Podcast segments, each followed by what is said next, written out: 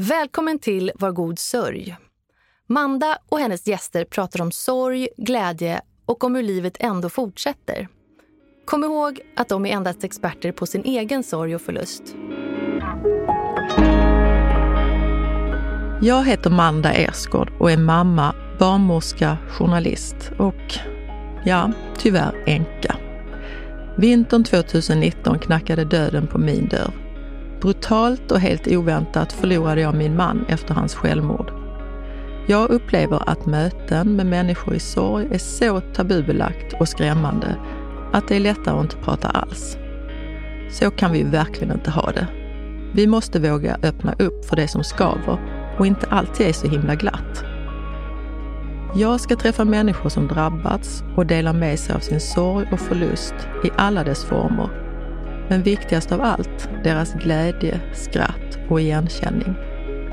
Faktum är att sorg faktiskt drabbar alla förr eller senare på ett eller annat vis.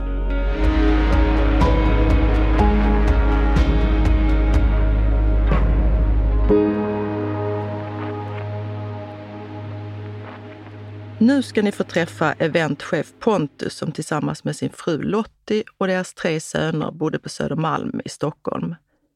Samtidigt som livet rullade på för familjen levde de i vetskap om att Lottie hade en allvarlig medfödd kärlmissbildning i hjärnan som i värsta fall skulle kunna leda till en hjärnblödning.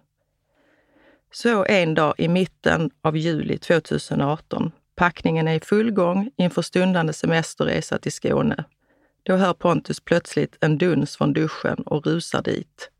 Lottie har ramlat ihop på badrumsgolvet. Hon klagar över extrem huvudvärk och hennes vänstra ben och fot fungerar inte. Pontus förstår genast att det de fruktat nu slutligen hade hänt, en blödning i hjärnan. Ambulansen kom, Lottie åkte direkt till sjukhuset för akut vård. Där och då visste inte Pontus och pojkarna om Lottie någonsin skulle komma hem igen. Hej Pontus! Hej Manda! Välkommen hit! Tack snälla! Jag är väldigt glad att du är här. Hur mår du idag? Just idag? Idag, ja. Idag? Jo, nej men jag mår väl ganska, ganska bra tycker jag. Eh, det är lördag och det är skönt. Det är lördag. Ja. Du ska få berätta din historia. Mm. Vad var det som hände? Ska vi ta det lite från början?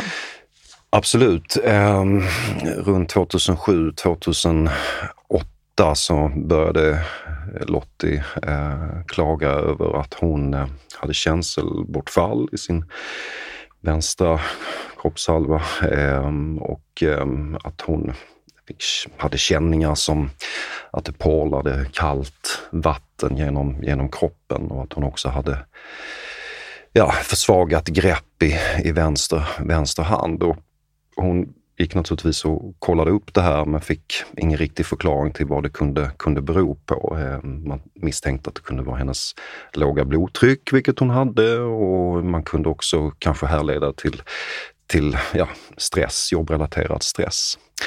Men eh, det var en företagsläkare i alla fall slutligen som tog det på allvar och skickade Lottie på en magnetröntgen.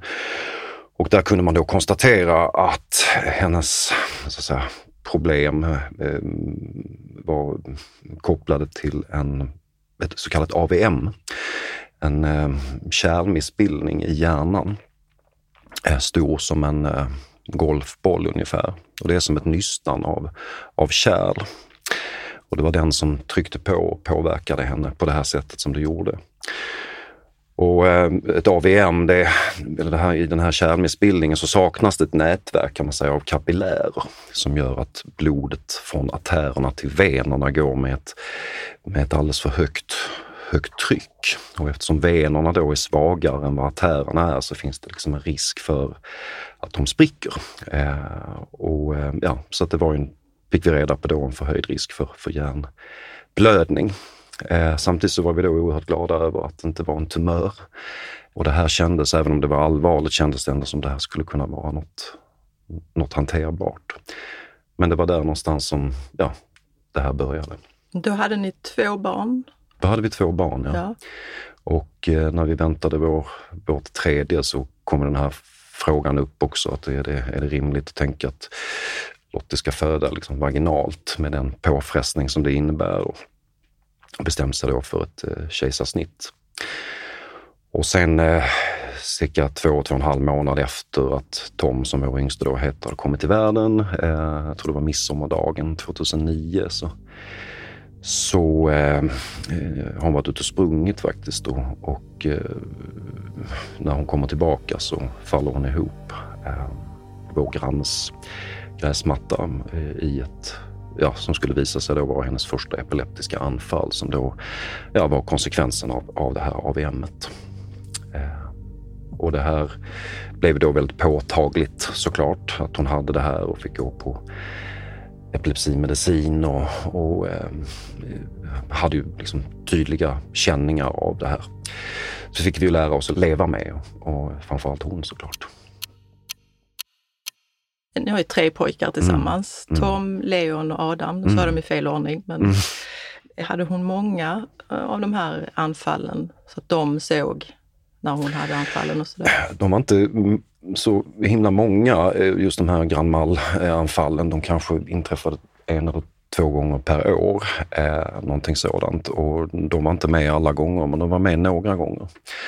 Och det är klart att det är en väldigt skrämmande upplevelse om man inte har eh, sett det där innan och vet vad det handlar om så är det ju väldigt otäckt. Eh, men de var med om detta och de fick ju ändå lära sig att förstå vad det här berodde på. Och, eh, Lottie vaknade ju upp ur de där anfallen och, och återhämtade sig, även om det, det klart var en, en väldig påfrestning. Eh, men de hanterade det. Mm. Och det är klart att vi fick ju ändra vår eh, eller hon fick ändra sin livsstil, fick inte köra bil såklart och fick ju alltid tänka sig för att inte simma ut på djupt vatten eller, eller sådär. Man visste ju aldrig när det här kunde hända. Men du har också sagt att även om ni visste att hon, eller du visste mm. att hon hade det här så, så händer det andra. Det händer ju inte oss.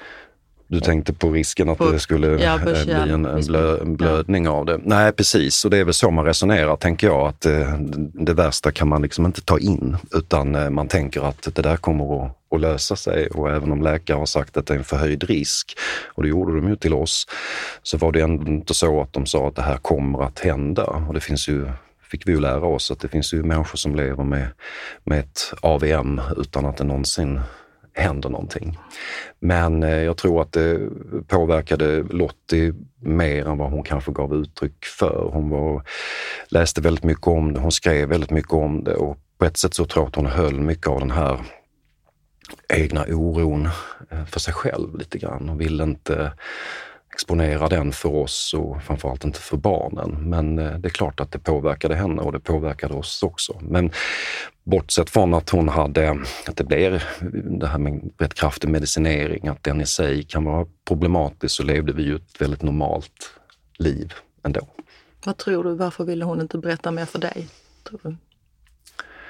Alltså, det var inte att vi inte pratade om det, gjorde vi såklart. Och, eh, men jag tror att Lottie som person, hon hade en väldigt eh, hon var väldigt eh, framåtdriven och väldigt inriktad på att liksom, tänka positiva tankar och kanske behövde hon det, en del av den här oron lite grann för sig själv också och formulera den eh, i, i, egna ord på något sätt och inåt. Men visst, vi pratade om det och vi var ju alla medvetna eh, om det och det var ju inte så att, för hon det sattes ju in medicinska insatser och det, även eh, operation eh, i form av en, en strålkniv som vid två tillfällen då skulle reducera volymen på den här kärlmissbildningen. Och det, just i de sammanhangen var det ju väldigt uppenbart att oj, det här är, det här är allvarligt. Liksom.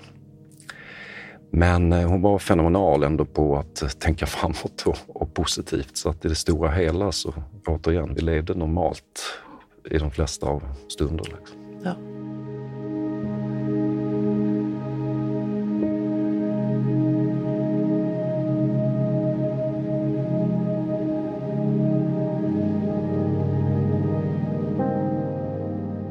Berätta lite hur det var tiden precis innan ni jobbade tillsammans. För det första så träffades ni ju genom att hon anställde dig. Ja, ja, ja. precis. Ja, det stämmer. Också lite ja, proaktivt. Ja, ja men ska verkligen. Ja, ja, nej, men det var, det var lite speciellt. Nej, hon, ehm, jag sökte ett jobb eh, på, eh, så, ja, jag sökte egentligen på Stockholmsmässan men min ansökan handlade, hamnade av någon anledning på Sollentunamässan som det hette då på den tiden. Och, och eh, Lottie var, var ansvarig för eh, ett antal eh, både publika och fackinriktade mässor där och behövde en kompanjon i det.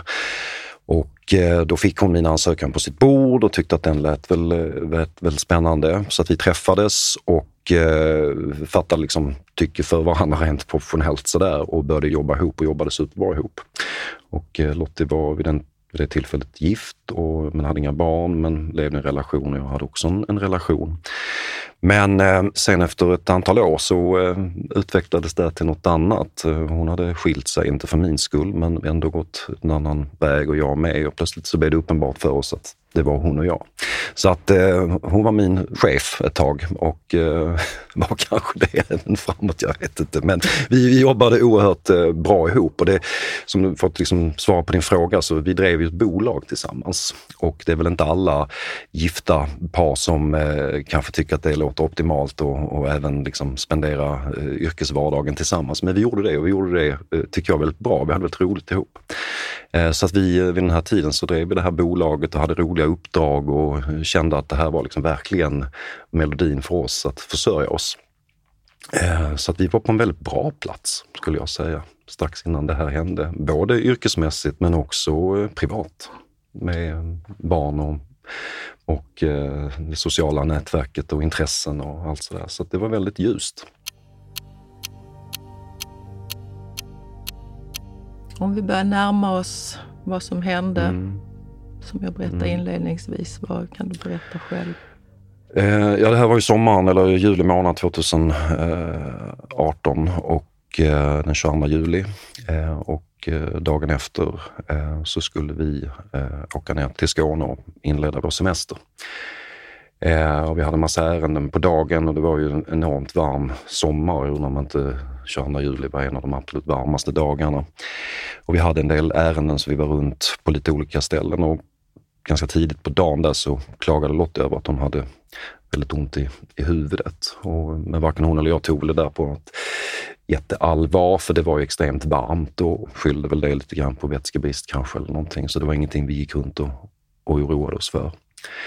Eh, sen på eh, kvällen eh, när vi höll på att packa ihop våra resväskor och, och förbereda för vår semester helt enkelt så ehm, eh, var Lotta inne i badrummet och eh, jag kommer inte exakt ihåg, men det, förmodligen var det att jag hörde att någonting lät där inifrån och tog mig in i, i badrummet och då hade hon ramlat i, i duschen och hon var fortfarande vid medvetande men hon hade extremt ont i huvudet och dessutom så kunde hon inte hantera den vänstra sidan av kroppen. Hennes eh, ben och fot fungerade inte alls. Ehm, och jag hade då varit med om många epileptiska anfall men kunde ganska liksom direkt konstatera att det var inte det det handlade om den här gången och insåg väl då att nu har det hänt som vi inte trodde kunde hända eller absolut inte fick hända, att det var en blödning. Så att eh, jag ringde, mm, ja, jag fick ut henne ur, ur duschen och hon kräktes på golvet och var helt liksom, sänkt även om hon fortfarande kunde kommunicera. Och eh, barnen var hemma och det är klart att, eh, jag minns inte vem, men jag tror mm, en Leon då var, såg det här och blev naturligtvis extremt orolig medan den yngste helt skärmade sig och gick in och spelade dataspel. Liksom det blev en sån otroligt svår situation eh, och jag ringde naturligtvis eh, ambulansen och, och eh, jag minns att personen jag pratade med propsade på att han skulle få prata med Lottie och jag sa jag vet vad det är för någonting. Vi behöver inte göra någon, någon analys över telefonen här. Jag vet vad det är. Men de måste naturligtvis gå igenom ett antal liksom, rutiner och punkter. Men jag bara tyckte att det är helt ovidkommande frågor du ställer. Bara skicka hit ambulansen för det är bråttom. Och så småningom så kom ju, kom ju den och de eh, de hade inte med sig någon bår utan fick sätta henne på någon stol. Och vi har en hiss upp i lägenheten och satt den där stolen och Lottie och, och åkte iväg med henne och jag fick ringt till hennes föräldrar som fick komma hem till oss och, och ta hand om barnen medan jag då naturligtvis kastade mig i bilen och körde till Södersjukhuset. Och eh, där fick jag då höra att hon hade förlorat medvetandet eh, och jag hänvisades in i ett lite sånt här trångt rum, mörkt och, och trist och där var det två sköterskor som, som tog emot mig och jag, det vet jag, bara satt och gungade fram och tillbaka till vad är det som händer, vad är det som händer? Jag kunde, den här att, att bara ta in. Eh, kunde de berätta för dig? Ja, de visste, ja, efter ett tag så kom det en läkare och eh, berättade för mig att din fru har fått en hjärnblödning och eh, det är väldigt, väldigt allvarligt. Eh, och jag tror till och med att han sa att jag ska vara ärlig och säga att jag vet inte om hon kommer klara sig. Och då att gå från det där att packa väskorna på väg till en semester som en helt vanlig familj till att några timmar senare sitta på SÖS och, och få det där beskedet. Och han ja, var ju väldigt rak och han klappade om mig på axeln och så gick han igen. Och jag satt där, kommer ihåg, jag gungade fram och tillbaka och, och bara tänkte att någon måste väcka mig ur den här, den här mardrömmen. Och sen så blev jag, fick jag hoppa in i, i en ambulans som förde vidare eh, Lottie till, eller körde oss till neurokirurgen och intensiven på neuro. Eh, där hon, eh, ja, de tog hand om henne helt enkelt. Var det på Danderyds sjukhus? Då? Nej, det var på Karolinska. Karolinska. Mm. Ja. Kommer du ihåg hur tankarna gick? Ja, chock och jag, jag minns att jag ehm, eh, jag blev hänvisad in i något väntrum och de var, de var vänliga och angelägna om att försöka hjälpa mig. Och, men ja, jag kommer ihåg att det var en sköterska som, som prompt ville att jag skulle läsa en broschyr på något sätt om, om vad händer nu? Och jag tänkte, för min fru håller på att dö och jag ska läsa en, mm. en broschyr. Eh, alltså det, det kändes så himla märkligt. Och nu var klockan väldigt, väldigt sent på natten och, och jag kommer ihåg att jag det här väntrummet, det var ja, två soffor och, och, ett soffbord och någon liksom köksdel och jag delade det där utrymmet med någon annan anhörig som försökte ligga och, och så försöka få lite sömn. Och, um, hade en filt över mig och jag vet att det bara, det var ju som en mardröm såklart. Och inte kunde ta in att det här hände. Och så småningom så blev jag, kom det en sköterska och ledde mig in mig i något rum där jag fick prata med två läkare. Och då hade de ju genomfört en, en rutinoperation där de tömmer huvudet på blodblandad järnvätska och för att minska trycket på Eh, och berättade för mig att operationen hade gått bra men att de vet inte, fortfarande inte om hon kommer klara sig eller inte. Och efter det så eh, sa de till mig att du kan inte göra så mycket mer här nu utan vi föreslår att du åker hem till dina barn. Så får vi höras under morgondagen istället. Så då åkte jag hem. Och eh, då var ju Lottis föräldrar där och jag kunde liksom inte förmå mig att säga det de hade sagt. Utan bara konstatera att hon är under vård. Liksom. Nu, nu ser vi till att det här löser sig på något vänster. Var barnen vakna när du kom hem? Jag minns inte det. Jag tror inte det. Nej. Nej. Vad hände sen? Nej, men sen så um, följde en tid av, av, jag tror, tio dygn när hon var, eller om det var nio, jag minns inte riktigt, när hon var nersövd um, på um, neurointensiven då. Och det som hände var väl att eh, mycket gick väldigt rätt. Eh, hennes värden var stabila och hon, hon svarade liksom på något sätt bra på den behandling de gjorde och de gick in och de, det är helt fantastiskt, men de klistrar ju igen den här säga, bristningen. Och det hade de lyckosamt gjort, för det fanns ju ingen, det var ingen garanti för att det skulle gå, men de lyckades göra det. Och jag minns att han som, den här läkaren, kirurgen, han såg ut som att han var basist liksom, i något indieband. Va? Med, med, såg rätt sjavig ut. Va? Men han var min hjälte där och då. Alltså, det var helt fantastiskt. Jag ville bara krama honom på något sätt. Han hade gått in och fixat det där. Mm. Och eh, efter det så gick saker och ting väldigt rätt väg. Ehm, och efter Ja, efter nio, tio dygn så bestämde de sig för liksom att släppa på sövningen då och väcka upp henne och då visste vi naturligtvis inte hur hon skulle vara. Men hon vaknade. Och även om hon var oerhört medtagen, både mentalt och även liksom fysiskt i form av rörlighet som hade försvunnit på vänster sida framförallt då. Och, eh, så var hon vaken. Och eh, jag minns inte riktigt, men jag tror ändå att hon kände igen oss ganska omgående. Hon hämtade sig relativt snabbt och fick efter tre, fyra dagar komma på rehab. Eh, och de flyttade henne till Danderyd. Där eh, hon skulle få stanna och börja träna upp sig igen. Men hon kunde prata mer? Ja, det var ju väldigt förvirrat första dygnen. Och, eh, men eh, för varje dag och för varje gång vi var där och träffade henne var, så var det så uppenbart att det gick åt rätt håll, att det blev bättre.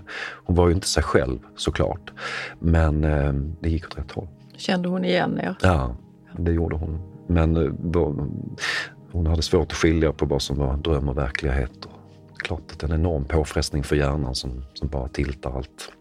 Jag tänkte jag skulle bara backa till de där tio dagarna. De mm. måste ju varit helt fruktansvärda. Ja. ja.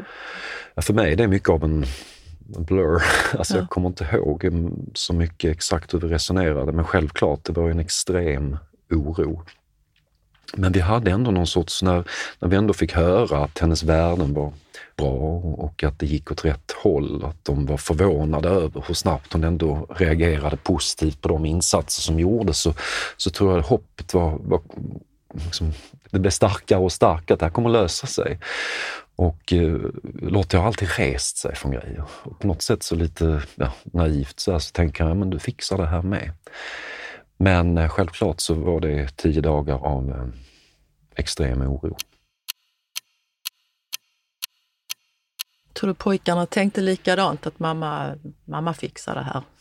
Eller kände du att de hade någon... Eh, ja, jag tror, jag, jag, jag, tror det. Jag tror att kanske barn gör så. Vid den här tiden så var ju de 9, 13 och, och 15 och det var man fortfarande i en ålder där man tänker att föräldrar fixar det här. Det kommer, jag tror att det är helt omöjligt för dem nästan att ta in andra alternativ, att det inte kommer att, att gå.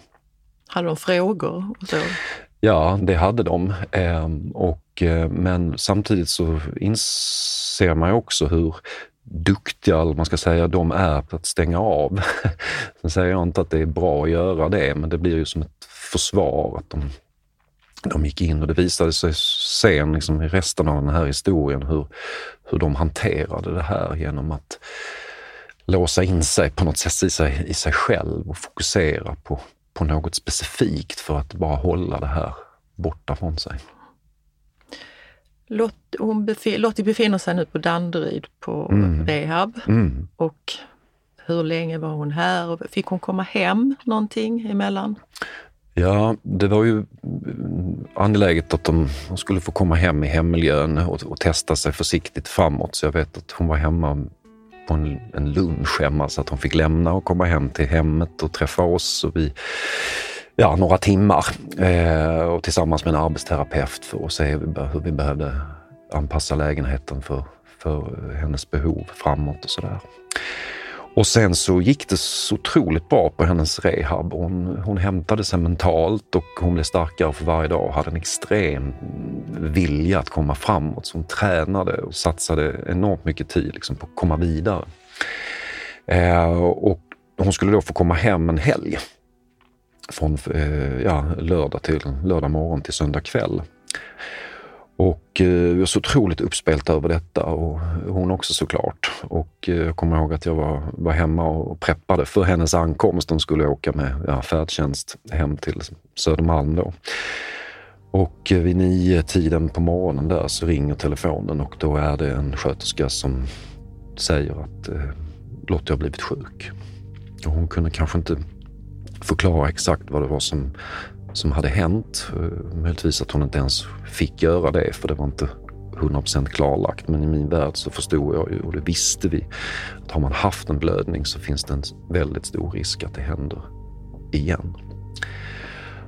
Och eh, jag kastar mig i bilen och kör ut eh, till Danderyd. Jag vet att strax innan rondellen där, precis vid sjukhuset, så får jag ett samtal från en läkare som då konstaterar att det är en, en ny blödning. Och den ska då visa sig senare vara mycket kraftigare, eh, mycket djupare och mycket mer central. Och hon åter till eh, neurokirurgen. Eh, och den här gången så om allting gick rätt första blödningen så gick allting fel andra. Med eh, mycket komplikationer. Dåliga världen. Ehm, ja, allt som kunde gå fel gick fel. Och hon eh, vaknade aldrig upp ur det där. Eh, utan i tio veckor så låg hon på intensiven där läkarteamet gjorde allt de kunde och lyfte på varenda sten för att försöka komma till rätta med det här med olika typer av kirurgiska ingrepp. Och, eh, men att hon då också drabbades av eh, andningstillstånd eller uppehåll och, och eh, hon eh, fick en hjärnhinneinflammation till följd av allt alla slangar och allt dränage som de hade kopplat på. Och det gick inte över. Så de liksom fick inte bukt med det. Så att allting gick fel. Och allting bara, ja, det mm. fanns på något sätt bara en väg och det var utför. Under den här tiden då fick du och pojkarna och Lottis föräldrar, alla ni fick komma och hälsa på henne? Vi var ju där varje dag i princip, eller så mycket vi bara någonsin orkade. Ehm, och jag tog på mig en roll på något sätt att att vara den, det hade jag gjort vid, vid första blödningstillfället också, den första perioden där. Att, att, vara den som var påläst och prata med läkarna, prata med sköterskorna och ha koll på vad hon hade för temperatur och, och, och värden och trycket på, på, i huvudet och så vidare. Allt det här och så fungerade det som någon sorts sambandscentral för alla släkt och, och vänner och förklarade hur det gick till. Och jag vet att jag vid något tillfälle stod och pratade med läkare och, och han sa, ja, är du läkare själv eller? Nej, det är jag inte, men jag, jag kände mig någon sorts... Alltså jag bara tog till mig så mycket jag bara kunde. Men under den här andra perioden, så efter ett tag så orkar du inte det längre. För att du, är, du lever under sån extrem stress och när du förstår intellektuellt att det här är inte, det här ser inte bra ut. Så att även om hoppet är där så och, och då återigen ett sånt här läkarmöte när vi satt återigen i ett, i ett trångt klaustrofobiskt rum. Eh, jag och Lottis föräldrar, Lottis syster och läkare och sköterskor och överläkaren där bara konstaterar att han säger att jag, jag har ingen kristallkula lika lite som ni har, men min erfarenhet säger att det här kommer inte gå. Och det här var då i ett ganska tidigt skede efter då den, den andra hjärn, hjärnblödningen.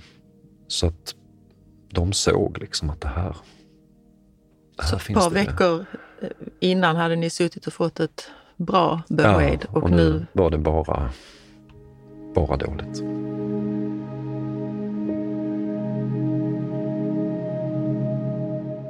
Vad gjorde ni när ni satt där? Hur tänkte ni? Hur pratade ni med varandra?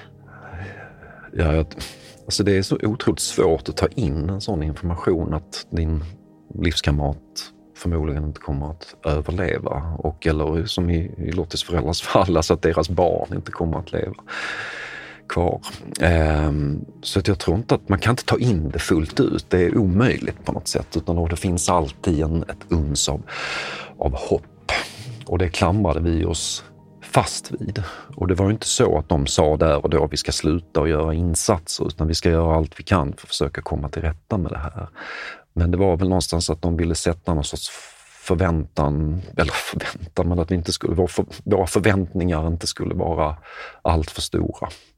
Att vi måste mentalt förbereda oss på det värsta.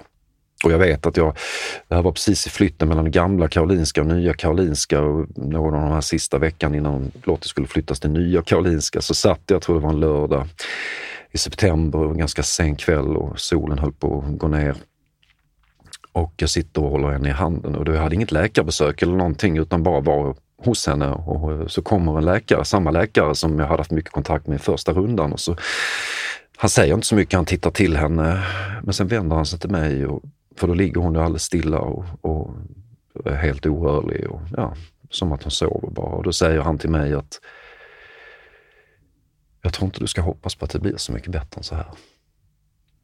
och då kommer jag ihåg att jag tyckte det var så märkligt på något sätt. Han sa väl det i någon sorts välmening ändå, eh, men det blev så otroligt kallt.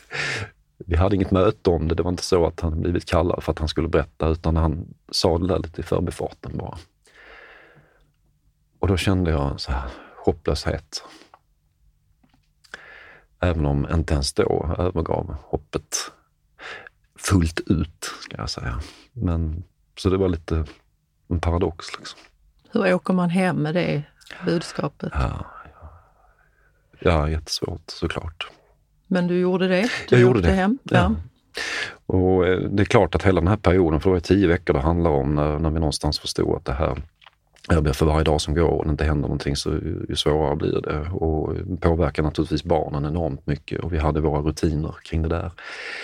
Hur när vi gick och la oss på kvällen och Adam den äldste ville liksom inte sova med oss men de två yngste och jag och hunden och låg i samma säng och hade vår kvällsrutin där vi läste någon bok eller att vi bara pratade om det som har hänt. Och i mörkret där, att barnen fick gråta och, och uttrycka sin oro. Och, Ehm, det blev liksom som en Ja, det blev en rutin och vår plats för, för sorgen. Och sen så somnade vi ihop. Ehm, och jag minns också att det var så, jag hade ju alltid mobiltelefonen bredvid mig. Ehm, och på något sätt så ville jag inte somna för jag var livrädd att bli väckt av den här signalen. Så att vi levde ju naturligtvis under en enorm press och varenda morgon så ringde jag till avdelningen och ville höra hur det var och då, då får då får man också en sån här känsla. Ibland så får man prata med en sköterska som är väldigt så här positiv i rösten. Ja men hej Pontus! Mm. Och redan då, då släpper någon oro för då vet jag att det inte har hänt någonting. Och sen kunde jag ringa nästa dag eller på eftermiddagen samma dag. Då är det nästa skift som har gått på och då är det någon som inte alls har den positivismen i rösten. Eller, och, och då blir man genast extremt orolig. Är det någonting som har hänt? Och, så att man slängdes mellan hopp och förtvivlan på daglig basis eller mellan olika mellan för och eftermiddag. Tänk så mycket det betyder ja. med det här samtalet ja. som man får. Men då, ja. Ni var så inne i vården och. Eh, du var ju där så ofta, du var så påläst och sen får du kanske ringer du och inte får någon nej, precis. empati nej, nej, tillbaka. Exakt. Va?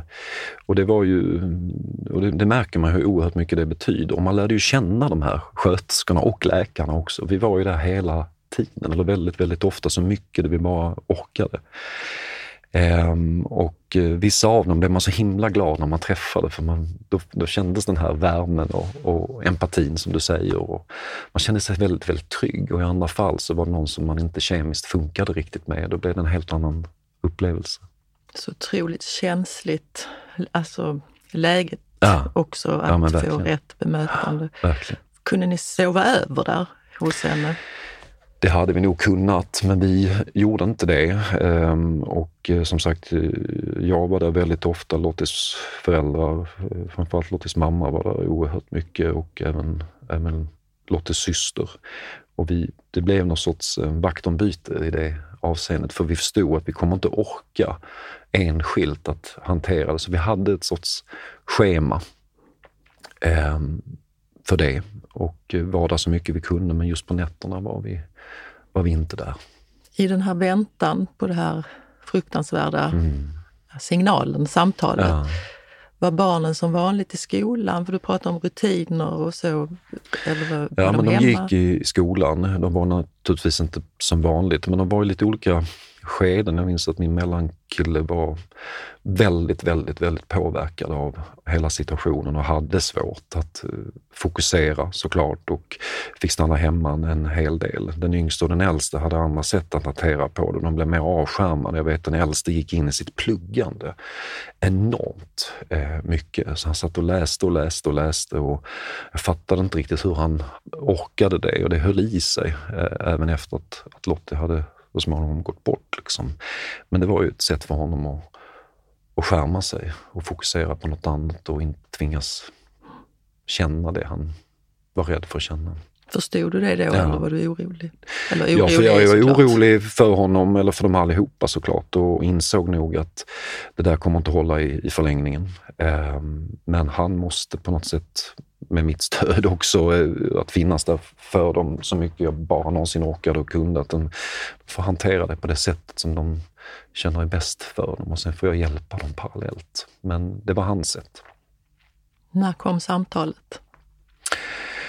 Jag eh, var ju fortfarande en del på jobbet så att jag vet att det samtalet kom när jag var där.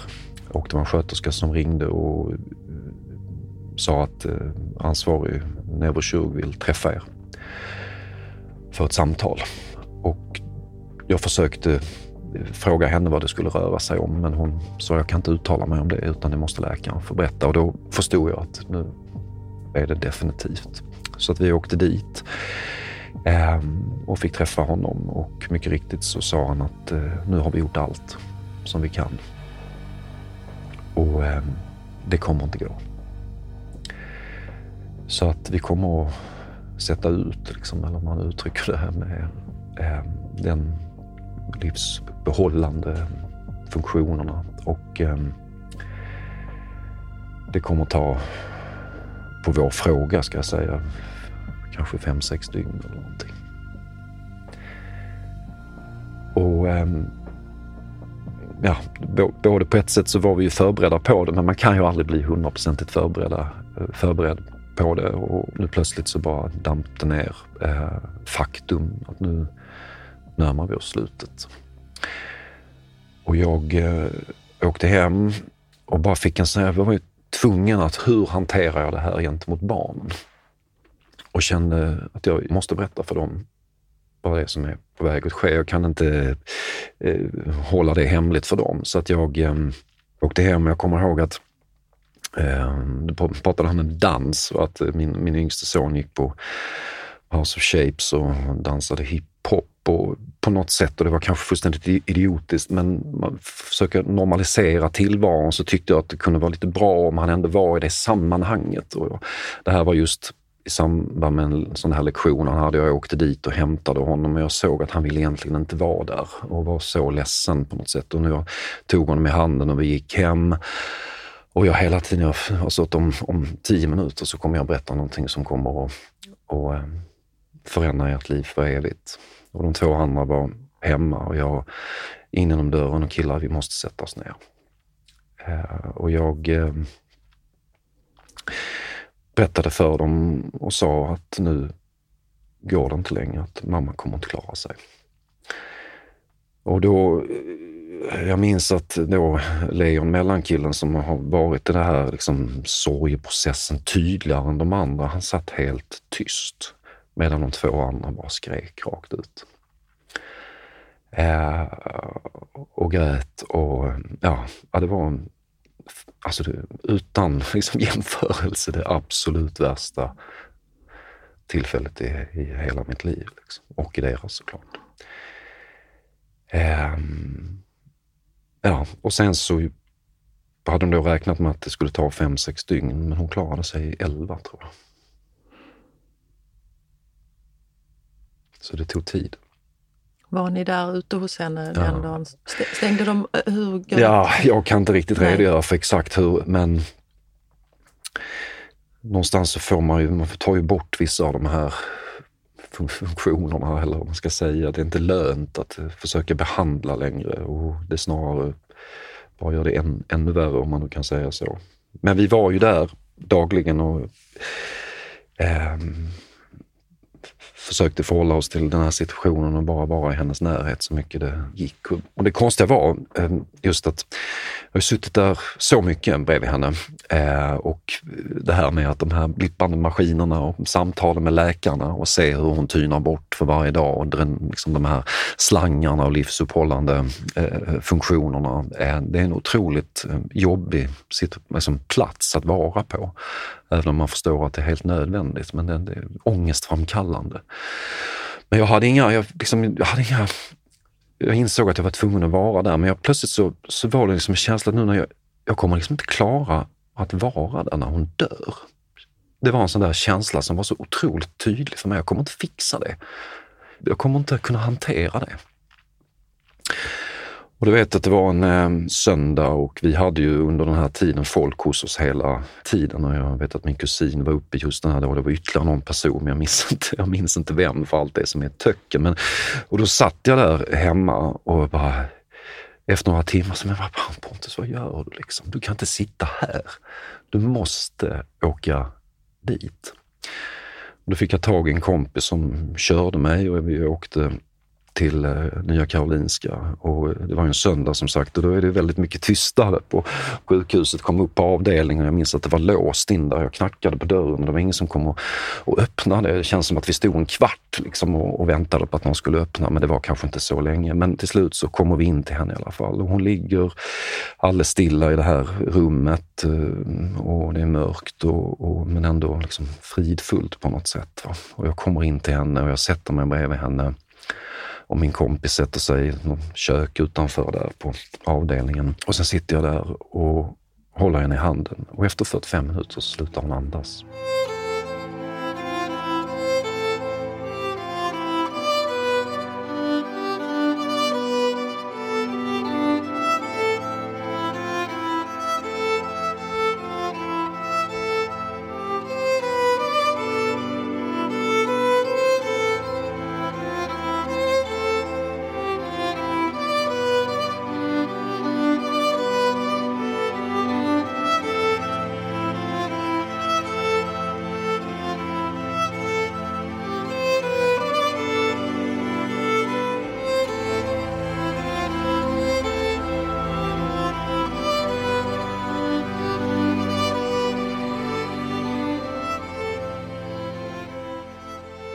Jag är så här i efterhand så otroligt tacksam för att jag ändå bara som slappade mig själv i ansiktet och sa för fan Pontus, kom igen nu.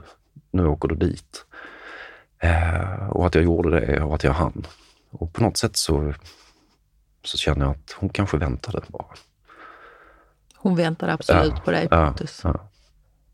Jag tror det. Jag väljer att eh, tolka det så. Nu här i efterhand så känns det ju alldeles, alldeles liksom, fantastiskt att, att få att det blev som det blev just i det avseendet, att hon inte var ensam. Eh, och att jag var där. Och det, det betyder jättemycket, inte bara för mig utan även för andra. Jag skulle precis säga, mm. utan att vara expert, mm. men att för pojkarna också, mm.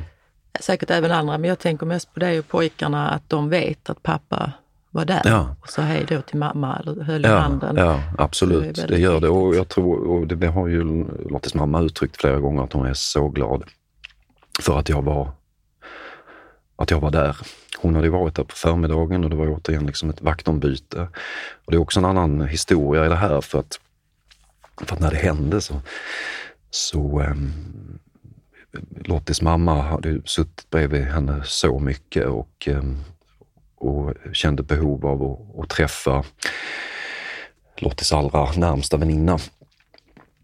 Så de möts upp och då kände de att de måste vara på en plats där det känns som vanligt på något sätt. Så de gick, de gick och satte sig på Strandvägen 1 och pratade och, och var ledsna tillsammans men drack ett glas vin. Liksom. Det kan ju låta helt absurt men det var ett behov som fanns där med dem och på något sätt fint tycker jag. Och eh, sen så eh, eh är jag ju där när, när Lottie går bort och den första jag ringer är naturligtvis Lottis mamma.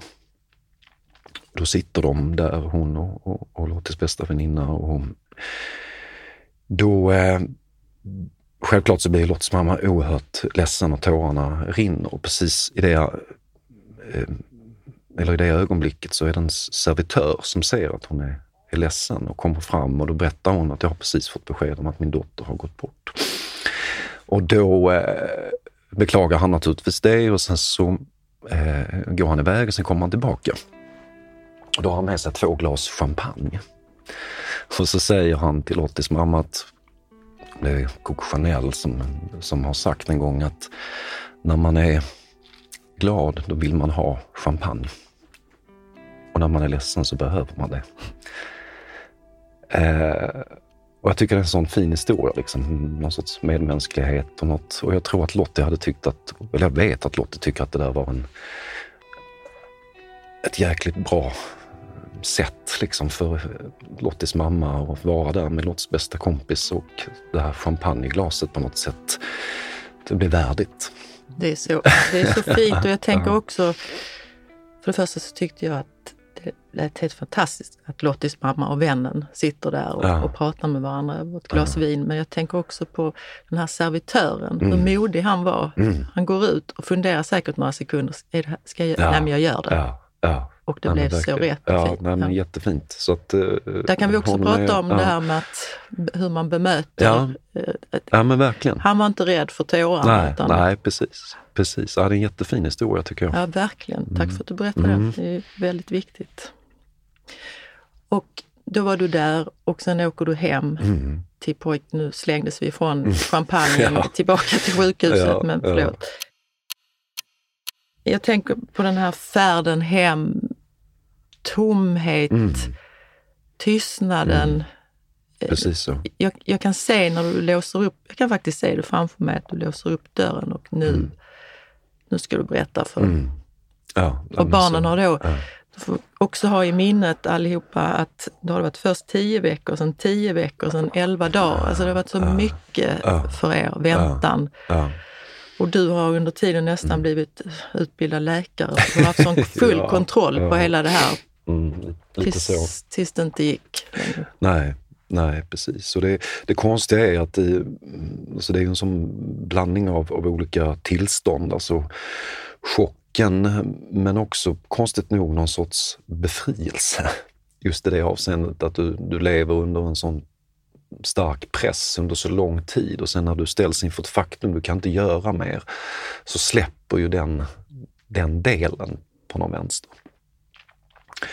Att nu är det som det är. Nu är det en ny fas att ta tag i med allt vad det innebär. Men just den här konstanta oron för att något ska hända och sen när det väl händer, då slipper du i alla fall den, den oron och den stressen som det innebär.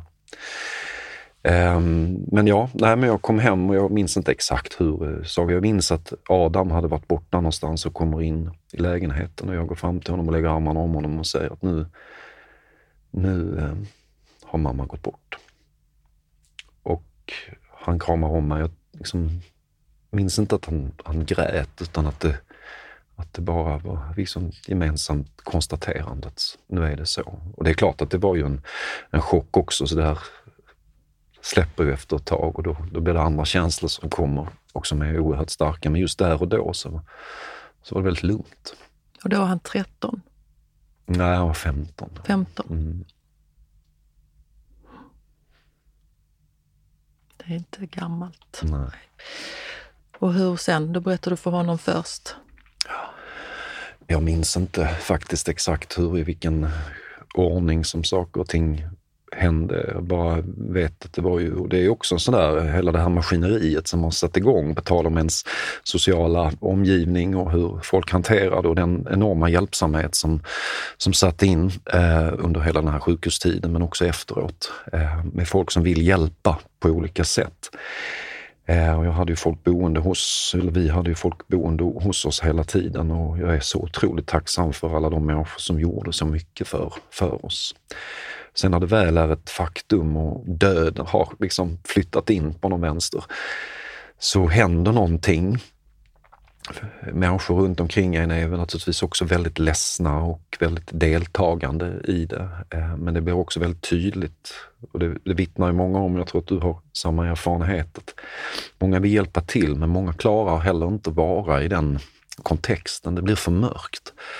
Och man vet inte hur man ska förhålla sig till en människa i, i sorg, den här bottenlösa, eh, där det, liksom all energi bara är Eh, liksom försvunnen och, och, det är bara ledset.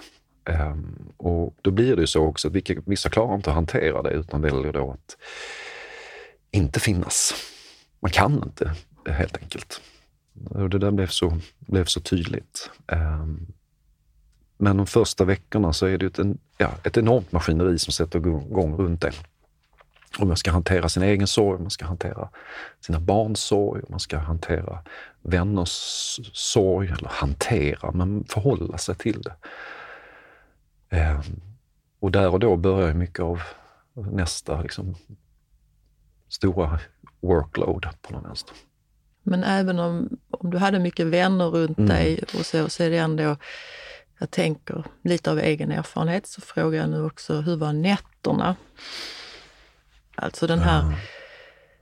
Eh, du hade ju innan inte velat sova för du väntade på samtalet. Ja, men, mm, och du har, mm. någon pojke ville inte sova inne mm. hos dig och det var hund. Och, mm. Jag menar, hur, hur såg nätterna ut när det är mörkt och det är, är tyst? Ja, jag minns inte riktigt exakt, men jag, jag, vet ju att första natten att vi faktiskt alla då sov, vi försökte i alla fall sova i samma säng där. Men jag, jag vill minnas att vi faktiskt sov någonstans. Lite på det jag var, spåret jag var inne på, att nu kan vi inte göra mer och att det var så mycket uppbyggd liksom, trötthet.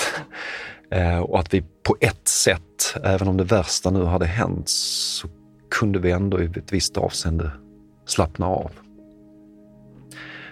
Så att jag, jag vill minnas att vi faktiskt den natten sov. Tre pojkar i mm. olika åldrar som sörjer olika i olika faser. Mm. Hade du någon taktik, höll jag på att säga. Såg du på dem eh, att nu mår inte han bra eller nu mår han bra eller, eller gick du med en oro? Hur hanterar du? Ja, men den oron fanns ju såklart och finns till stora delar fortfarande. För att det, eh, det är ju just när en sån här sak händer och om man nu tar det utifrån barnets perspektiv, att hela deras eh, liv blir ju naturligtvis något helt, helt annat. Eh, sen är det ju svårt att veta Sorgen är ju inte uppdelad i, i extremt tydliga faser och kanske framförallt inte för barn. Eh, och jag tänker att deras stora, stora sorg kanske inte ens kommer i direkt anslutning till att det har hänt. Det kan hända ett år senare eller så händer det när de får egna barn. Alltså, så att hela min taktik har nog ändå varit bara att försöka vara väldigt, väldigt närvarande naturligtvis. Men också att eh, försöka vara uppmärksam på deras mående. De, min känsla är också att de med tre barn, och det, det, har jag fått förklarat för mig också, att om en eh, skara av syskon är väldigt ledsen, och då väntar de andra lite grann. Va? Att man, då är den platsen upptagen och sen när den, den ena kommer in i en lite bättre fas, då är det nästa som går in och lite sådär kanske jag kände att det var. Sen är ju barn, precis som vuxna, det är olika individer, man har olika sätt att förhålla sig till. Och det som den äldste, hans uttryck för sorgen hade, det var ett, en typ av uttryck och, och, för de två andra var det något annat. Men helt klart så var det ju från och med den dagen som att det var någon som liksom en filt av, av sorg som hade lagt sig över dem. Även i stunder där vi, där vi kunde skratta och, och göra annat så fanns den som en ja, som ett tecken mycket. Vad gjorde ni för att skratta då? Ja.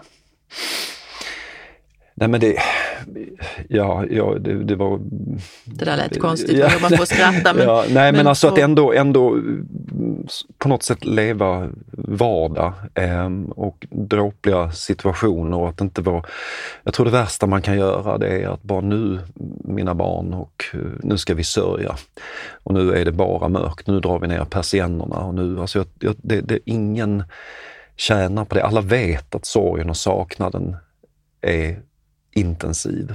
Ehm, men vi måste också släppa in någon form av ljus eh, i den mån det går och också våga prata om, om det som har hänt, men också våga prata om vardagliga situationer och i vardagen så händer det konstant saker som gör att man faktiskt kan skratta, även om det värsta ganska nyligen har hänt. Det är min uppfattning i alla fall. Var det, så, var det Adam som dansar? Ja, han, ja precis. Han, han eh, har ju haft det intresset och gått eh, danslinjen på Södra Latin. Och så han dansar inte så mycket nu, men det var en väldigt viktig del av hans eh, liv under många år. Och jag tror att det var väldigt bra för honom sen när han kom in på den här linjen, att jag tror att det var en, en uttrycksform eh, som hjälpte honom i hans bearbetning av det som har hänt. Att få fysiskt jobba med kroppen på det sättet. Men tänk, då hade han det och mm. de andra två hade kanske andra saker som ja, de sjönk in ja, i? Ja, gjorde. precis. Kompisar och lite fotboll och, och lite annat eh, såklart. Men samtidigt så fick jag ju, och vi tillsammans, ständigt jobba med det här för var, varje dag. Och, vi kan ju ta det här med, med skolan också, för att det är en viktig del. Eh, när barn som drabbas, jag tror att det är 9-10 barn i snitt varje dag som, i Sverige som förlorar en förälder. Och eh, eh, skolan måste ju hantera det på, på något sätt. För att vad som händer är ju att det är klart att du, barnen kan inte tvingas in i skolan eh, direkt efter om de inte tvunget vill eh, när en sån här sak har hänt. Men, men efter ett tag så, så måste de ju tillbaka till någon sorts verklighet. Och så var det ju och min uppfattning om skolan var ju att de var väldigt förstående. Eh, och det var aldrig några problem om, om vi behövde hålla något barn hemma och, eller om de... Ja, de var, de var väldigt eh, medkännande.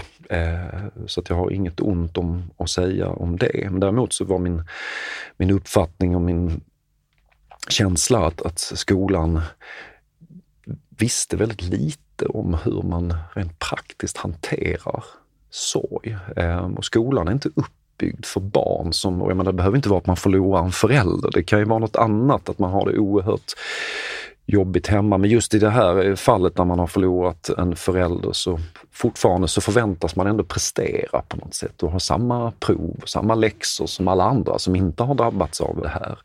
Och, ehm, eh, du är inte fysiskt kapabel, eh, för det, du sorger eh, utlöser stresshormon som gör att din upp, liksom, förmåga att, att ta in information är oerhört begränsad. Så att hur mycket du än läser eller räknar eller, så fastnar det inte. Och samtidigt så ska du då bedömas på samma sätt som alla andra och det är en separat diskussion. Men det är ganska intressant att jag tror att skolan skulle må väldigt, väldigt bra av att veta hur, vad det är egentligen som händer med barn som har drabbats av det här och hur de kan stötta och, och, och äm, ännu bättre hantera det.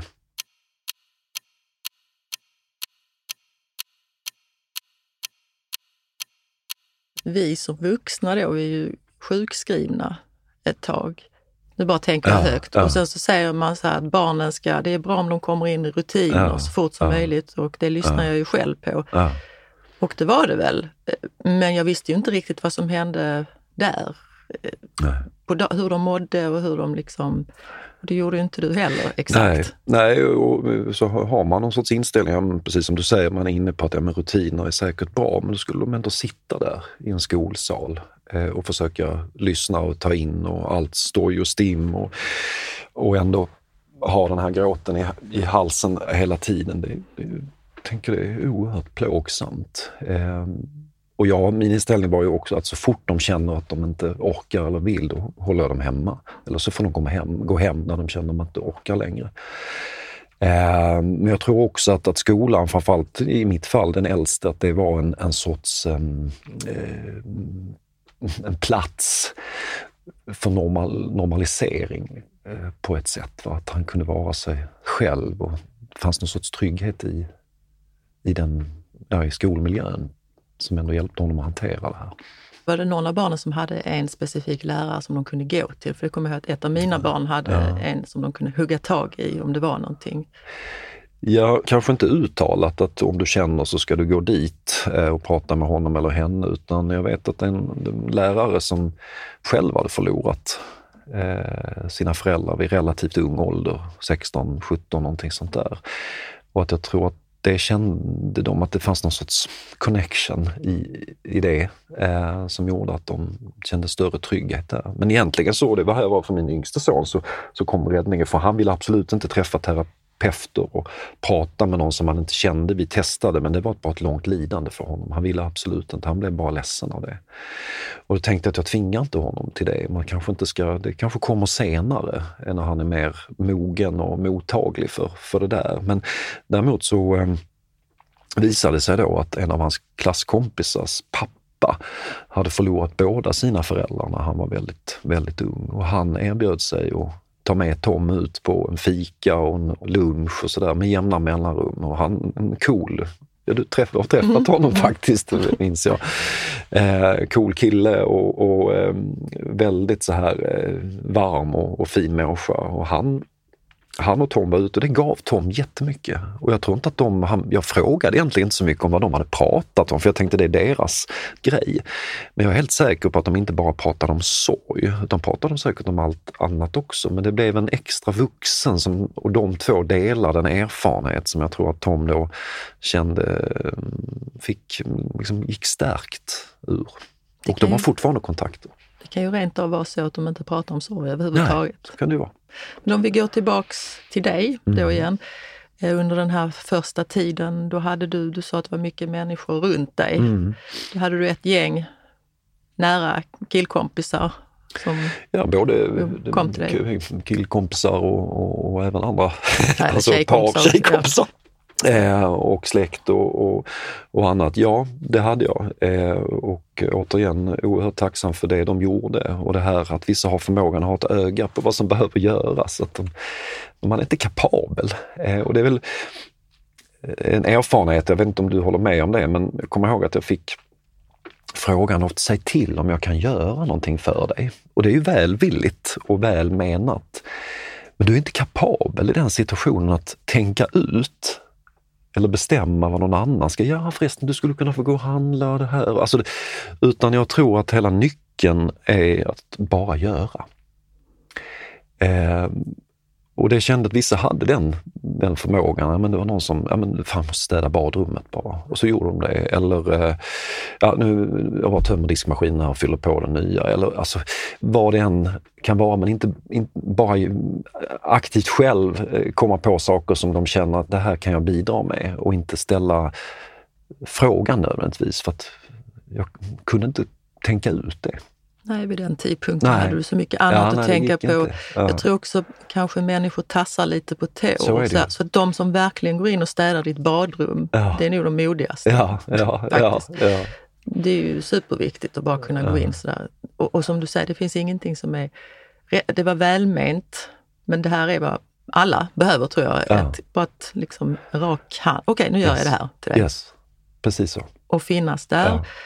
hela tiden. Ja, absolut.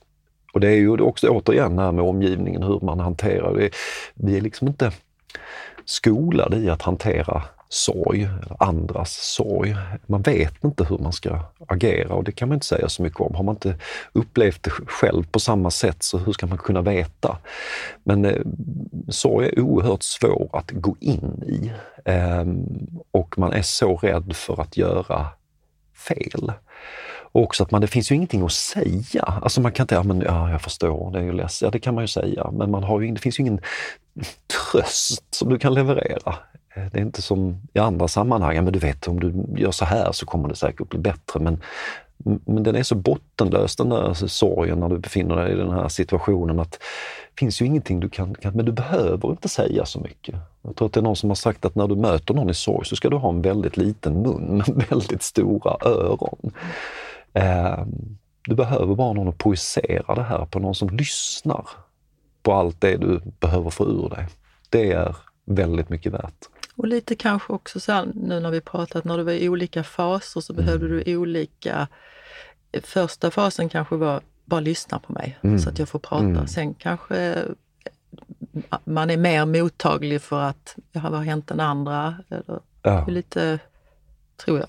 I alla fall. Ja, nej, men det går ju i vågor vad man har för behov och hur man långsamt eh, försöker hämta sig från det som har hänt.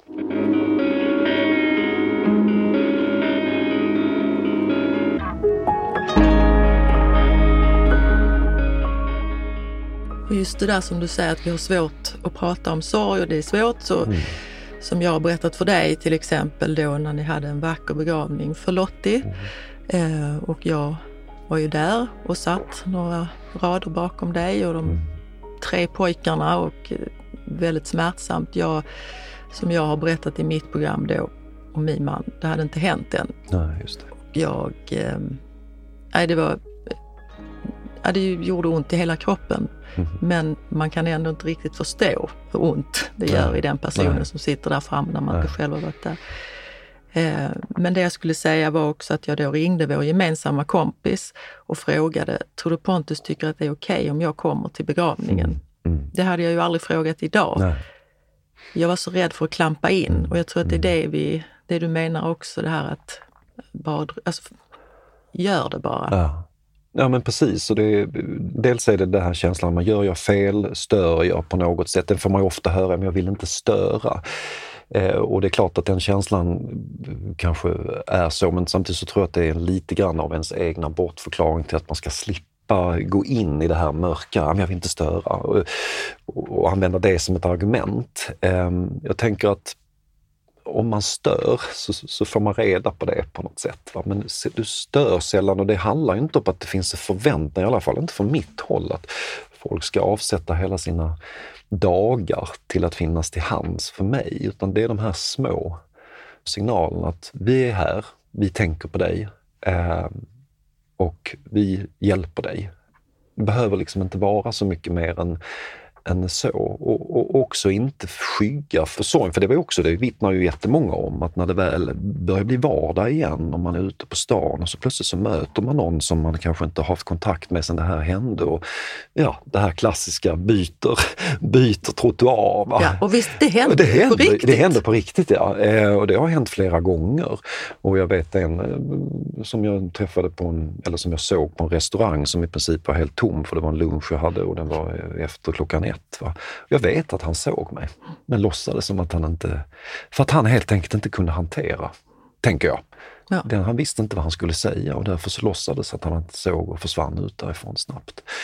Jag har viss förståelse för det, men jag tror att man, vi måste snäppa upp oss i de där situationerna och, och försöka vara lite modigare i det. Kan du känna ibland, kanske speciellt i början, att alltså var det någon som nästan ville byta sig, att du gick fram istället och hej hej, att du var den första, för du såg att det började bli ja, jobbigt? Kanske. Som är på något är lite förlösande sådär att eh, aktivt vara den som eh, tar kontakt. Ja. Sen är det ju också så här att ibland så är man ju, när man då är i den här djupa sorgen, att man orkar ju heller inte riktigt alla gånger att, att svara på samma fråga. Hur är det? Hur är det med barnen? Och, och, och så. Eh, och det är ju fullt berättigade frågor men men ibland orkar du inte berätta det längre. Då kanske du själv drar dig undan lite av den anledningen. Så det är svårt där. Det är liksom lite acceptans också från omgivningen att bara mm. nu, nu, är det så här, mm. vänta in mig, mm. men var där. Lite, ja, vet, ja men precis. Det, jo, men, det men tycker klokt. du att du har, har upplevt någon sån här riktig liksom, konstig bemötande någon gång som du tycker, oj det där var lite annorlunda? Ja, det har jag kanske gjort. Ja, men jag vet eh, att jag, eh, där min, eh, en, mina söner, eh, alla, som i, sin, i sin sorg, inte bara vänder sig till mig utan såklart, som man själv gör, till nära vänner. Och han eh, hade ju pratat om sin, sin sorg med en jämnårig kompis. Och då vet jag att då fick jag ett sms från den här kompisens mamma där hon, där hon bad mig prata med Leon i det här fallet Eh, om att inte prata med hennes son om hans sorg, för det gjorde hennes son väldigt ledsen. Och då, jag, jag, vet, alltså jag bara tänkt att är det här på, är det här på riktigt? Um, det är klart att sorg är, är besvärligt för Alltså man är ung och det kan vara svårt att hantera, men jag kände att det var kanske inte varken min, Leons eller min sak att, att hantera. Ehm, då fick hon istället prata med sitt barn om detta. Det kan inte... Alltså, det var en väldigt konstig grej i min värld att, att skicka iväg en sån där Också att det skiner igenom kanske lite precis det här vi pratar om. Rädslan från hennes sida mm. på något vis. Mm. Eller? Ja, ja men precis så. Att, man, att det här med sorg är så otroligt jobbigt att ha i sin närhet. Det kväver nästan en. Va? Och man, vill inte, den, man vill inte att den ska finnas. Va? Och om man märker då att någon annans sorg går in och, och, och innanför liksom den egna sfären på något sätt så slår man den ifrån sig. Och jag kan väl ha viss förståelse för det, men just att hantera det på det sättet att, att jag ska be mitt barn att inte sörja inför sina kompisar.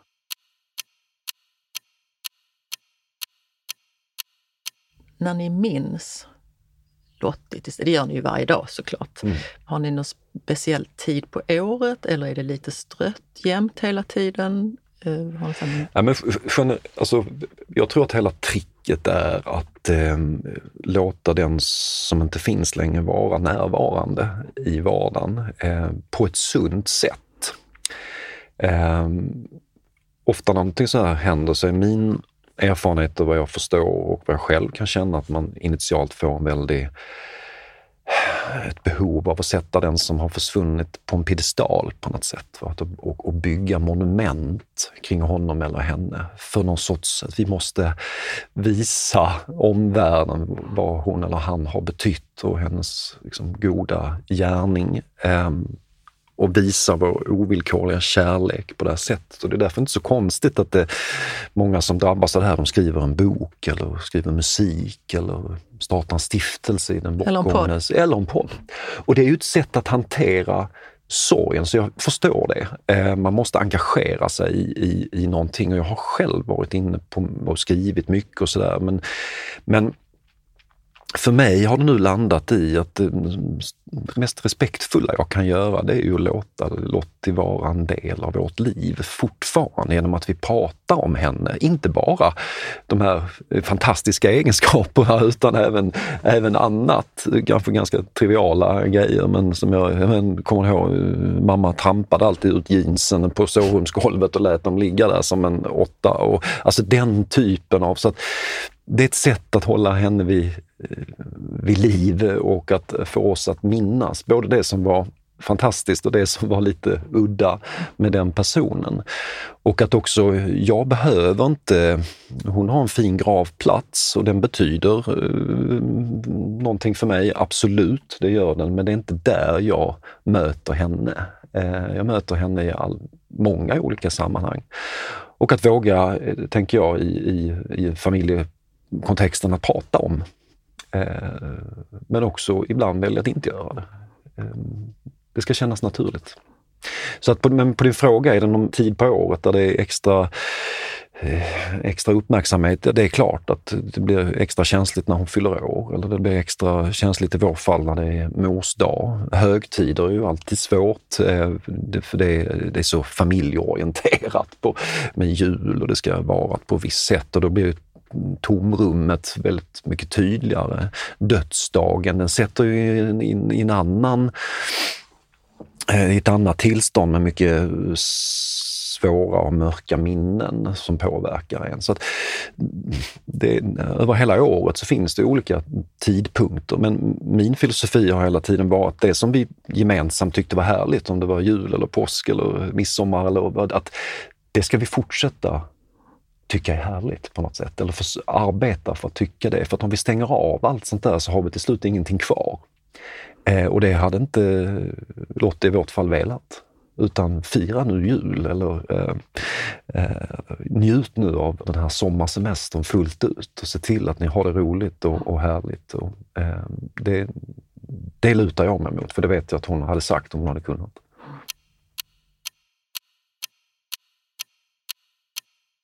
Och sen är ju vi människor, vi sörjer olika. Du berättade om din, eh, din son som pratade med en pappa i klassen. Ibland mm. kan det vara så att man behöver, man kan prata med dem som, som man känner. Mm.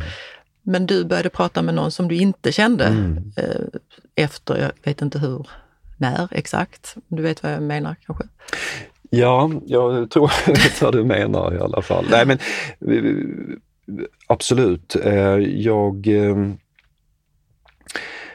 Eh, inledde ju en ny relation ganska alltså, snart efter att Lottie hade gått bort. Och då kan man då, vad är snart? Eh, alltså, ja, det hade gått eh, tid, men kanske inte det här klassiska att oh, det ska gå ett antal år. Men eh, slumpen, eller slumpen, men jag hade en kontakt med en av, av eh, sönernas bästa kompis eh, mamma. Och Eh, vi kände inte varandra och hade inte träffats heller, men hon hörde av sig till mig när vi var i liksom, den här fasen att Lottie var dålig och frågade om hon kunde hjälpa oss på något sätt. Och jag eh, tyckte det var oerhört omtänksamt och fint. Eh, och sen när eh, eh Lottie blev allt sämre och jag kände att jag inte kunde riktigt fokusera på barnen hundraprocentigt utan jag var så uppslukad av allt det som hände kring Lottie så kände att det fanns en styrka i att låta barnens bästa kompisars föräldrar ha ett litet extra öra och öga på dem på något sätt. Och de två yngstas eh, bästa kompisars föräldrar hade jag redan en nära relation till. Men, men den äldste bästa kompisens föräldrar hade jag inte det. Ehm, och det var det Johanna. Eh, och ehm, eh, bad henne via hennes son då att vara det här lilla extra ögat. Och vi började prata och eh, hade väldigt fina samtal och när Lottie väl eh, gick bort så kände jag en, ett behov av att få prata med någon som inte kände henne. Alltså, jag vet inte om du känner igen det där, men att det, att det är fint att ha de nära eh, vännerna eh, nära en på sig och, och de samtalen är jätteviktiga och det är viktigt med de som vet och visste vem Lottie var. Men det fanns en kraft i att uh, prata med någon som inte gjorde det och få prata om andra saker. Så att eh, vi eh, tog lite, några, ja, träffades över en kopp kaffe och drack ett glas vin någon gång och sådär och hade lite sms-kontakt men ingenting mer än så. Hon hade ganska nyligen gått ur en relation och var ledsen över det och så.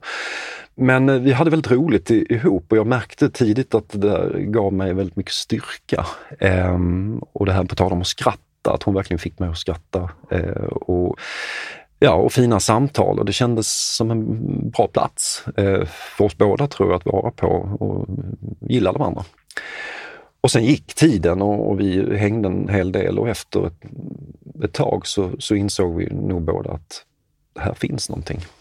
Och det var ju ingenting som, jag tror varken hon eller jag hade någon som helst planer på att det skulle landa där och jag vet att det fanns inte min sinnevärld att, jag skulle, det var inte det första man tänker på att nu ska jag ut och träffa någon, inleda en ny relation. Verkligen inte. Jag vet att jag kanske någonstans tänkt att okej, okay, eh, om jag får leva lika länge som medianmannen i Sverige gör, alltså jag vet inte, 81, 83 år någonting, så kanske jag någon gång under det, innan dess kommer att träffa någon. Men, men det var ungefär där. Men, eh, och jag tror att just det här otvungna, att det också var Eh, det oväntade mötet på något sätt som ledde till detta kändes väldigt, väldigt bra. Det var en bekräftelse och en värme och en omtanke och, som jag kände att jag, den vill jag inte vara utan. Ehm, och jag kände också att det, jag har aldrig känt några skuldkänslor, om man nu kan begära det av någon, eh, att göra det, utan jag kände att jag ganska tidigt kunde skilja på det jag och Lottie hade, det var något unikt och det var vårt. Och det och jag och, och Johanna då eh, hade var, var unikt och vårt bara. Och jag är så glad över att eh, vi träffades och vågade ta det här steget. För det är klart att det är ingen, det är ingen självklarhet av många olika skäl. Det är inte lätt att gå in i en relation med någon som ganska nyligen i alla fall har förlorat sin partner. Eh, där det inte handlar om en skilsmässa eller att kärleken har tagit slut utan att det är livet eller snarare döden som har kommit, kommit emellan. Mm. Eh, och sen också fanns det ju ett, ehm, eh, en annan dimension i detta, att, att faktiskt eh, våra äldsta, äldsta söner hade en, en vänskapsrelation och visste inte riktigt hur de skulle hantera det.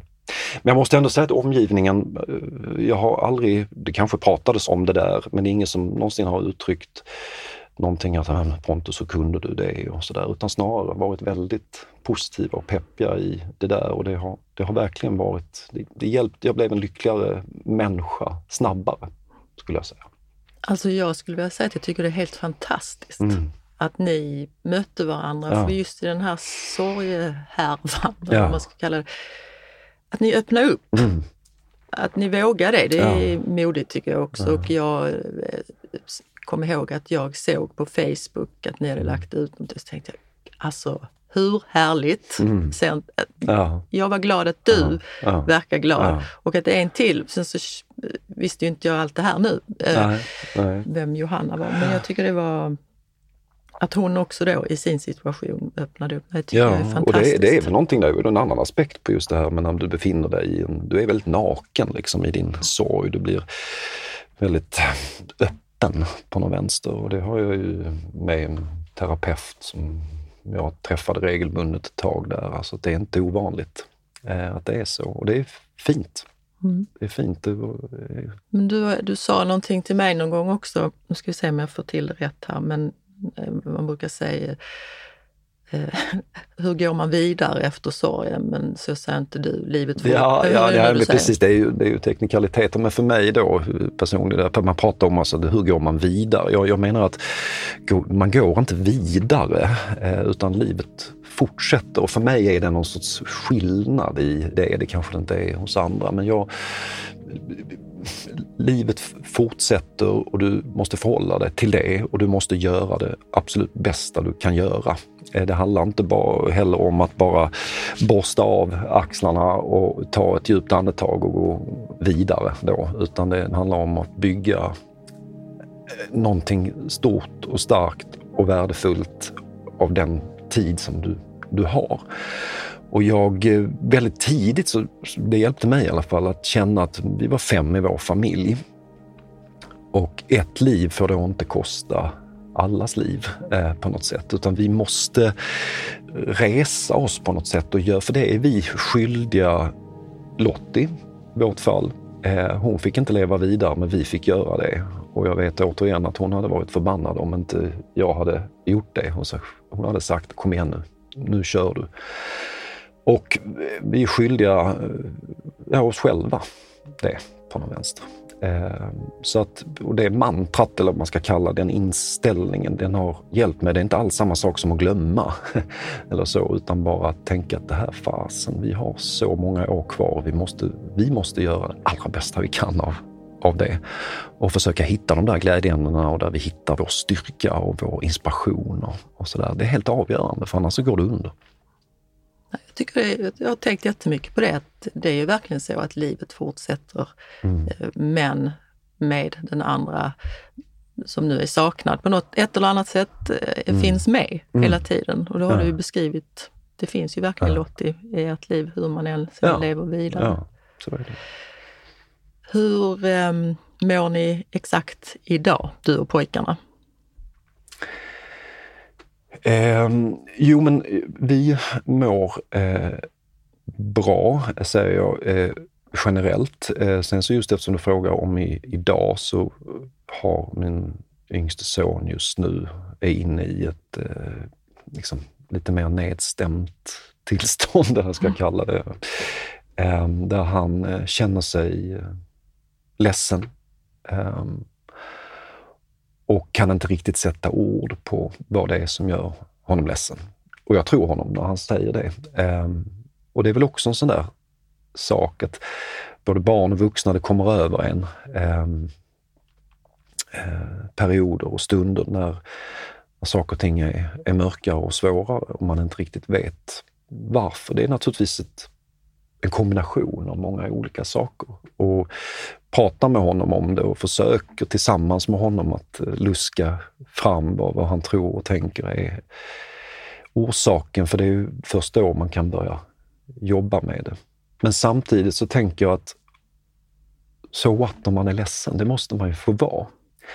Och också vänja sig vid att det är så ibland. Det finns ingen förväntan på att man ska vara glad och spirituell och, och härlig hela tiden.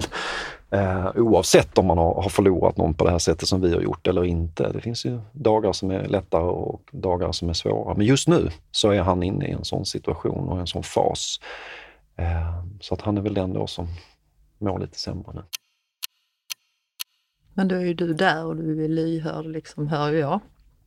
Jag försöker vara det. Jag försöker vara det. Um, och uh, prata med dem om det här. Och jag hoppas att de, de tänker och tror, eh, eller vet ska jag säga, eh, att jag finns där för dem hela tiden. Och när de har det svårt så då är jag så här, ja, men ni, ni, måste få hantera det här precis som ni känner är det svårt en dag, så behöver ni inte gå till skolan. Ni behöver inte det. Men då säger min mellanson som precis har börjat gymnasiet och eh, älskar den skolan han går på. Så att finns ingen bättre plats jag kan tänka mig att vara just i skolan. Det är mitt happy place. det är rätt härligt på något sätt och det har ingenting med hans akademiska studier att göra utan att han får gå på musikgymnasium och spela gitarr. Och jag tror att just den här, vi pratade innan om dans och med musik, men att det finns ett utlopp för att man hittar så mycket glädje i det där kreativa och i det där skapandet.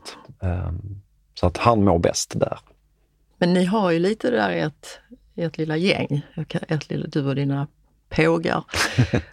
Någon dansar, spelar musik och du spelar ju själv musik eh, i ett band. Ja, ja precis. Så det är, Nej, men jag bara tänker att det mm. kanske också Hittar man någon tröst? Alltså, ja, ja, kanske ja, ni pratar visst. om det här tillsammans, förstår du vad jag menar?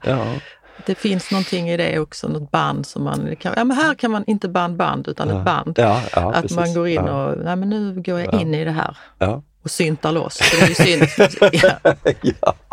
ja, nej men så är det ju. Allt det här liksom musik i olika former, jag tror ju väldigt eh, starkt på det. Det blir en, eh, en plats för kontemplation på något sätt och att man också kan bara landa i det här musikaliska uttrycket och hitta mening i texter och, och sådär. Att det, för oss är det där viktigt och för min del då som det är ju ett hobbyprojekt och kanske ingenting som världen kommer minnas. Men samtidigt så för mig är det oerhört värdefullt och det var det redan under, jag vet att jag försökte hitta tiden till när vi hade det som allra jobbigast, även till det. För det gav mig så mycket. Och det är också en take på detta och någon sorts medskick. Att det man tidigare tyckte gav en någonting och även om det blir svårt, om jag orkar inte gå ut i naturen eller orkar inte gå till och dreja eller vad man nu har tyckt var fantastiskt och gett en mycket tvinga dig till att göra det, för det kommer att hjälpa dig. Du kommer att hitta tillbaka till den där glädjen. Eh, undvik inte det du en gång har tyckt var fantastiskt. Det tycker jag är, det har fungerat så väl för mig. Bra sagt, ja, tycker jag. Tack Pontus för att du kom hit och berättade allt det här för oss, för mig. Tack själv. Det var eh, fint att få hänga och snacka med dig.